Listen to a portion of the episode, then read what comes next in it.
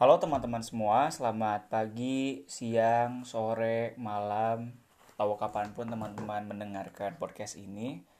Jadi uh, biar podcast yang nggak selalu diisi sama Azira dan tetap sesuai pada tujuan pembuatan podcast ini, aku mau sedikit share atau lebih tepatnya cerita gitu ya tentang bagaimana aku bisa menulis buku dan lebih jauhnya bisa diterbitkan oleh penerbit mayor yang akhirnya buku itu ada di seluruh toko buku konvensional se-Indonesia. Karena mungkin banyak banget orang yang bertanya begitu atau kepo awalnya gimana sih? gitu. Terus kok kayak bisa sih uh, nulis buku sama penerbit major penerbit mayor gitu ya. Nah jadi teman-teman semua uh, sebagai pengetahuan aja gitu ya ada dua jalur atau ada dua jalan kalau misalnya teman-teman ingin menerbitkan buku, menulis buku. Yang pertama, indie publishing atau publikasi mandiri, self publishing begitu. Dan yang kedua, diterbitkan oleh penerbit mayor. Nah, setiap uh, jalan atau jalur ini punya kelebihan dan kekurangannya masing-masing. Kebetulan aku udah pernah men uh, ya kalau self publishing udah pernah nyoba tapi akhirnya nggak jadi kalau si penerbit mayor itu tentu udah pernah dan itu jadi uh, buku pertama yang diterbitkan oleh penerbit besar begitu ya penerbit mayor tuh yang uh, kenapa aku bisa bilang akhirnya buku itu tersebar dan tersedia di seluruh buku toko buku konvensional di Indonesia. Nah untuk yang pertama nih aku share dulu uh, self publishing. Nah, e, jalur buku yang diterbitkan secara mandiri ini itu e, caranya adalah dengan tentu menulis bukunya sendiri, membuat layout bukunya sendiri, kemudian e, covernya sendiri. Pokoknya kan indie ya, self publishing gitu. Jadi seluruh proses pembuatan bukunya itu dilakukan secara mandiri. Ya. Dan yang paling penting adalah ketika buku itu jadi atau tercetak nanti didistribusiinnya atau dijualnya ke publik itu juga sendiri itu tidak melibatkan pihak uh, lain gitu seperti halnya penerbit mayor adalah penerbit besar. Nah, sekarang juga banyak uh, penyedia layanan atau orang-orang yang menyediakan layanan self publishing gitu. Misal kita ingin nulis buku nih, kita nulis naskahnya doang, terus kita minta tolong ke percetakan atau penerbit tersebut untuk menerbitkan buku kita tanpa adanya seleksi gitu ya. Beda sama penerbit mayor kan yang harus sesuai nilai dan gaya selingkung mereka.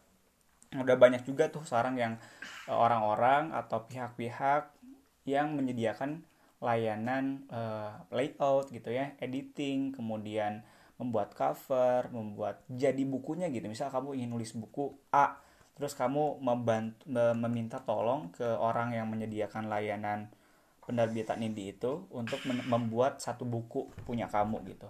Yang akhirnya nanti ketika buku kamu udah jadi buku fisiknya gitu misal dicetak uh, print on demand misal gitu ya dicetak sesuai permintaan kamu. Misal katakanlah 200 eksemplar atau 100 eksemplar. Nanti kamu yang jual sendiri gitu kamu yang promosiin ke teman-teman kamu untuk menjual buku itu di samping itu juga biasanya mereka menolong atau membantu penjualan buku itu. Jadi ntar ada uh, persentase yang dibagi uh, apa profitnya. Atau bahkan dari awal sudah disampaikan sama mereka oh satu bukunya sekian ribu gitu nanti kamu yang jual sendiri. Ada yang kayak gitu. Nah dulu aku sebelum uh, nerbitin buku lewat penerbit mayor itu tuh pernah mencoba uh, nerbitin buku secara mandiri gitu bersama teman-teman.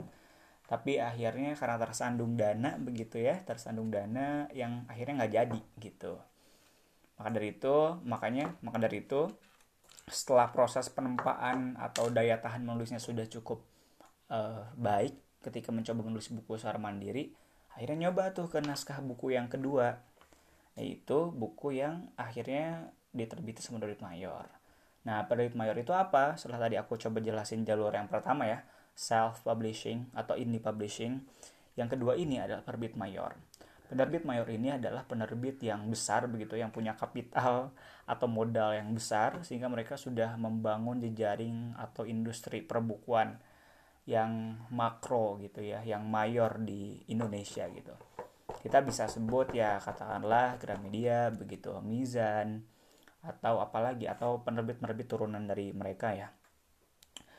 Nah kalau misalnya kita mau menerbitkan lewat penerbit eh, mayor kelebihannya adalah nama kita akan lebih mudah membubung tinggi gitu ya. Me melangit lah nama kita akan lebih mudah dikenal oleh publik karena pasar dari penerbit itu udah besar begitu ya. Ceruk pasarnya tuh udah luas ceruk pasarnya udah luas maka dari itu kelebihan ketika kita Dede sekarang Dede. Ya tim A dulu ngomong ya.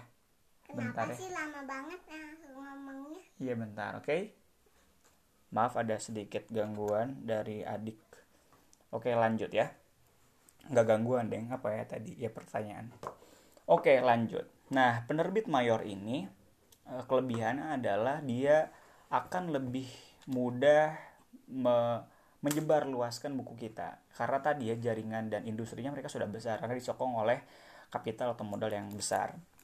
Maka dari itu tantangan terbesarnya adalah kita perlu menulis naskah yang bagus. Naskah yang berkualitas naskah yang sesuai dengan gaya ataupun tema ataupun genre yang mereka punya sehingga naskah kita bisa dikatakan layak terbit kemudian mereka terbitkan dan jual begitu kepada halayak Nah, kelebihannya itu. Terus ya tadi sih, pokoknya nama kita akan lebih mudah dikenal sebagai penulis buku yang diterbitkan oleh eh, penerbit A, B atau C gitu ya. Karena punya punya basis market yang besar gitu sih penerbit mayor ini. Dan juga kita tidak perlu mengeluarkan uang sepeser pun untuk diterbitkan itu sepengalaman aku ya. Berdasarkan pengalaman aku aku tidak diminta uang sepeser pun untuk menerbitkan buku. Karena kita karena kita kami penulis dengan mereka penerbit itu punya kepentingan yang sama. Tentu kan menjual buku. Jadi uh, si penulis tuh nggak dulu diminta uang atau bahkan sama sekali nggak diminta uang oleh mereka. Ketika kita punya karya uh, naskah dalam hal ini naskah buku yang bagus dan mereka merasa bahwa naskah kita cukup baik cukup marketable gitu ya untuk dijual. Untuk di di perjualbelikan mereka akan menyanggupi kemudian ada MOU gitu ya perjanjian kontrak secara legal secara formal hitam di atas putih dan akhirnya buku itu bisa tersebar ke seantero Nusantara asik seantero Indonesia ya. Terus kemudian buku itu bisa dibaca dinikmati gitu. Akhirnya nanti uh, at the end ya kita sebagai penulis sedikit banyak bakal dapat royalti dari hasil penjualan buku itu nah jadi itu ya, ada dua jalan. Yang pertama self publishing, yang kedua mulai penerbit mayor. Kalau self publishing uh, kelebihannya adalah kita tidak akan menunggu terlalu lama. Ini aku sekarang coba urai kelebihan dan kekurangannya ya. Kalau self publishing, kita tidak akan menunggu terlalu lama naskah kita akan diterbitkan atau tidak. Kita tidak akan digantung. Melainkan atau dengan kata lain, naskah kita pasti terbit. Orang kita yang apa menerbitkan bukunya sendiri begitu kan. Nah, kalau misalnya lewat penerbit mayor itu tentu probabilitas atau kemungkinan antara ditolak atau diterimanya juga besar begitu ya. Karena naskah yang penerbit mayor itu e, terima itu banyak sekali gitu. Kita berkompetisi kita berlomba dengan sekian banyak penulis yang mengajukan naskahnya kepada penerbit mayor. Jadi besar kemungkinan bahkan uh, naskah kita tuh nggak diterima ya sama mereka. Karena mereka punya sistem seleksi yang ketat gitu. Karena mereka mereka nggak cuman ngebahas dari segi bisnisnya aja gitu ya. Eh sorry. Karena mereka nggak cuman memerhatikan dari segi kualitas naskahnya aja tapi juga mereka memperhatikan segi bisnisnya gitu. Ini buku mungkin bagus tapi ini marketable nggak ya? Ini sesuai dengan uh, market penerbitan kita nggak ya gitu. Itu juga menjadi pertimbangan tentunya. Maka dari itu kalau dari segi uh, kemungkinan diterbitkan atau tidak si penerbit mayor ini ada kemungkinan kalau naskah kita tidak layak diterbitkan begitu. Dengan pertimbangan-pertimbangan yang banyak tentu ya cukup kompleks juga kalau itu kita bahas. Kalau self publishing kita nerbitin sendiri. Oke itu dari segi waktu dan kepastian akan penerbitan percetakan buku kita yang kedua dari segi dana lagi ya dana.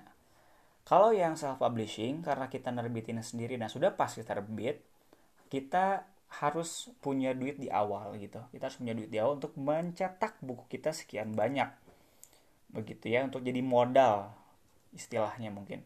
Modal misal kita modal taruhlah berapa ya ratusan ribu kayaknya sekarang udah bisa nerbitin buku sendiri jadi sebenarnya tuh sekarang kalau orang nerbitin buku tuh nggak nggak keren-keren amat ya. Kalau misalnya kalau aku bisa bilang uh, ya banyak juga aku melihat teman-teman yang punya euforia tinggi punya semangat yang tinggi untuk menulis buku. Beberapa di antara mereka nanya ke aku gimana caranya dan akhirnya setelah aku melacak atau memperhatikan mereka di media sosial mereka akhirnya bisa menerbitkan buku tapi di self publishing yang nanti dampaknya sebenarnya mungkin mereka bisa punya karya ya tentu ya. Misal ada satu buku buku fisik yang ada nama e, mereka mereka bisa perjualbelikan. Nah tapi e, karena budget dari awal sendiri kemudian menerbitkannya sendiri mendistribusikannya sendiri menyebarkannya sendiri, mempromosikannya sendiri gitu. Dan pasar mereka kan pasti sangat uh, terbatas begitu. Mungkin cuma teman-temannya doang, cuma followersnya doang gitu, punya komunitas atau organisasinya doang, nggak seluas itu gitu. Itu dari segi budget kita harus prepare dulu kalau misalnya mau menerbitin buku sendiri. Kalau dari penerbit mayor seperti yang sudah aku sampaikan sebelumnya, um, kita tidak perlu menyiapkan sekian banyak uang untuk menerbitkan buku, tapi yang perlu kita siapkan hanyalah naskah buku yang tentu pertama berkualitas, yang kedua marketable, tentu ya itu memang nggak bisa lepas dari industri buku sih. Dan yang ketiga layak terbit gitu ya, layak terbit dan sesuai dengan background atau filosofi, value yang dimiliki oleh penerbit yang kita akan jadikan target mereka akan menerbitkan buku kita. Begitu itu dari segi uang. Segi uang yang lainnya uh, ini dari profit ya terus kemudian kalau misalnya saya publishing kalau kebetulan buku kamu bagus buku kamu punya daya jual yang tinggi um, besar kemungkinan kita akan dapat profit yang besar dari buku yang kita jual gitu. Karena kita jual sendiri gitu kayak kita buka buka bisnis lah. Kita nulis buku kita jual produk kan produk karya. Kita nulis kita jual nih produk kita ke, ke pasar gitu. Kalau misalnya pas pasar punya minat yang tinggi terhadap buku yang kita tawarkan, kita besar kemungkinan atau pasti buku eh, kita bakal dapat profit yang besar. Banyak sih ada yang mungkin akun-akun Instagram yang mereka awalnya nulis quote-quote gitu. Aku rasa nggak perlu disebutin uh, akun-akun Instagram atau akun-akun lain yang mereka buat buku sendiri, mereka terbitin sendiri, mereka jual di akun mereka dan mendapatkan sambutan hangat dari para pembaca mereka. Mereka bisa jual banyak banget eksemplar buku yang akhirnya profit yang mereka dapatkan bisa cukup besar gitu itu besar banget bahkan ya kalau misalnya apa terbitin buku sendiri terus eh, orang-orang pada beli banyak yang beli. Bukan cuma 100 200 ya bisa ribuan gitu orang yang beli 5000 buku gitu 10.000 buku. Itu udah gila banget untuk profit dari segi uh, dari segi ini ada di aku dari segi keuntungan. Kalau dari self publishing. Nah, selanjutnya dari uh, penerbit mayor dari penerbit mayor keuntungan yang didapatkan dari secara uang yaitu didapatkan di royalti. Royalti di Indonesia setiap penerbit beda-beda, ada yang 10%, ada yang 12%, ada yang 15% dari penjualan ya. Ada juga yang aku pernah juga nanya atau lihat atau baca tuh 8% juga ada. Nah, dari penjualan kalau 10% misal uh, buku harganya 70.000 10 persennya berarti 7.000 kan nah aku tuh dapat 7.000 dari 70.000 dari harga buku yang dijual dari satu buku yang terjual. Jadi aku rasa itu amat sangat sedikit ya. Kenapa? Kenapa misal penulis itu punya dapat royalti yang sedikit dari penerbitan mayor? Karena satu buku yang terjual di toko buku konvensional itu persentasenya tuh udah banyak banget bagi-baginya. Untuk distributornya gitu kan misal katakanlah Gramedia atau tahu Gamas gitu. Untuk uh, karyawan-karyawan di bawahnya editor, layouter, desainer, terus percetakan itu sendiri nyetak buku kan ada ada modal yang harus dikeluarkan kan ya. Dan penerbit besar itu uh, penerbit mayor itu untuk menerbitkan satu buku itu mereka nyataknya kan langsung banyak tuh biar mereka bisa distribusiin ke seluruh distributor. Itu gede banget. Aku baca berapa ya? Mereka belasan juta puluhan juta untuk satu buku. Jadi gambling atau apa ya? Ya gambling untuk menjual buku itu cukup besar. Nanti kalau buku itu nggak laku uh, itu menjadi pertaruhan yang besar. Makanya kenapa mereka melakukan seleksi ketat pada buku pada buku-buku yang mereka terbitkan. Kayak gitu teman-teman. Nah karena berhubung uh, kita cuma dapat 10% ini in general aja ya kita pukul rata 10% royalti dari penerbitan buku itu otomatis keuntungan atau profit yang kita dapatkan dari royalti buku itu tidak terlalu banyak. Kalau misalnya e, buku kita nggak terlalu laku atau lakunya biasa-biasa aja gitu. Ya mungkin cukup untuk apa ya? Nggak tahu sih ya orang-orang di sana. Kalau misalnya bukunya bisa bertengger di rak eh, bestseller itu aku yakin itu kayak miliar mungkin ratusan mungkin bisa. Tapi kalau bukunya terjual hanya biasa saja begitu itu juga nggak besar-besar amat yang kita dapatkan dari penjualan buku. Tapi keuntungan lainnya adalah multiplier efeknya adalah nama gitu ya citra reputasi terus penjualan buku. Wah itu banyak banget gitu dari hanya sekedar uang gitu. Kalau misalnya kita bisa nerbitin di penerbit mayor. Karena kan ya, yang pertama seleksinya begitu besar penerbit mayor me mempertaruhkan segitu besarnya modal gitu. Itu nilai yang kita dapatkan dari sekadar royalti. Yang bisa aku bilang nggak seberapa itu jauh lebih besar dibandingkan royalti itu sendiri. Itu kalau dari segi uang ya. Jadi sekali lagi mungkin kalau self publishing kita harus menyediakan uang sendiri di awal sementara mayor enggak. Juga mayor uh, profitnya nggak besar banget. Kalau misalnya bukunya nggak terlalu nggak terlalu nggak mega bestseller gitu sementara kalau dari self publishing kalau laku besar bisa gede banget keuntungannya. Terus dari segi apa lagi ya? Itu sih dua yang paling fundamental tuh dua hal itu. Dari segi waktu juga modal gitu. Terus kalau dampak ke depannya aku rasa uh, dampak atau impact yang kita dapatkan ya value tadi aku rasa kita akan jauh lebih dianggap dalam tanda petik penulis ketika kita ketika aku rasa aku menerbitkan buku di penerbit mayor gitu. Karena mereka sudah tim kan editornya udah uh, qualified gitu udah berkualifikasi tinggi gitu. Bahkan ada sertifikasi editor juga kan. Juga pokoknya tim redaksinya udah mantep banget itu udah strong. Makanya buku-buku yang dijual secara mayor aku rasa enggak enggak apa ya enggak enggak akan nggak akan jelek kualitasnya. Aku bisa bilang kayak gitulah. Sementara kalau di penerbit indie atau self publishing kita punya tanggungan atau punya keharusan untuk memperkenalkan atau mencerit mencitrakan diri kita dengan lebih gitu. Kan ketika buku itu diterbitkan oleh penerbit indie atau kita nerbitin sendiri PR kita nggak cuma nulis gitu ya tapi PR kita pun harus memperkenalkan mempromot gitu. Ngedistribusiin ngejual sendiri itu PR banyak gitu kalau nerbitin sendiri. Tapi kalau di penerbit mayor kan kita cuma nulis doang. Setelahnya tugas selanjutnya dikasih ke penerbit mayor. Promosi distribusi penjualan itu pokoknya udah empat settle. Karena mereka udah um, bisnis terstruktur gitu ya sistematis yang kita tinggal jadi aja gitu. Kita tinggal mendapatkan manfaat atau benefit dari penerbitan buku yang kita berhasil diterbitkan oleh penerbit mayor. Kayak gitu, teman-teman semua. Kalau misalnya di sini ada yang mau nulis buku, eh, itu dua jalur yang bisa teman-teman tempuh. Plus aku sudah uraikan, jabarkan juga kelebihan dan kekurangan dari setiap jalur yang tersedia.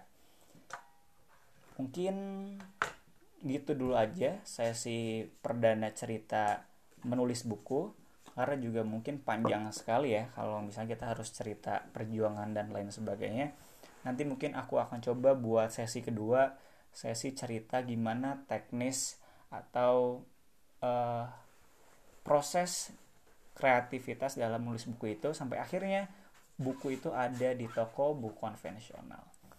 Gitu dulu aja ya biar ada rasa penasaran lah kalau misalnya kalian memang interest untuk tahu gimana sih cara nerbitin buku gitu? Khususnya lewat mayor. Oke?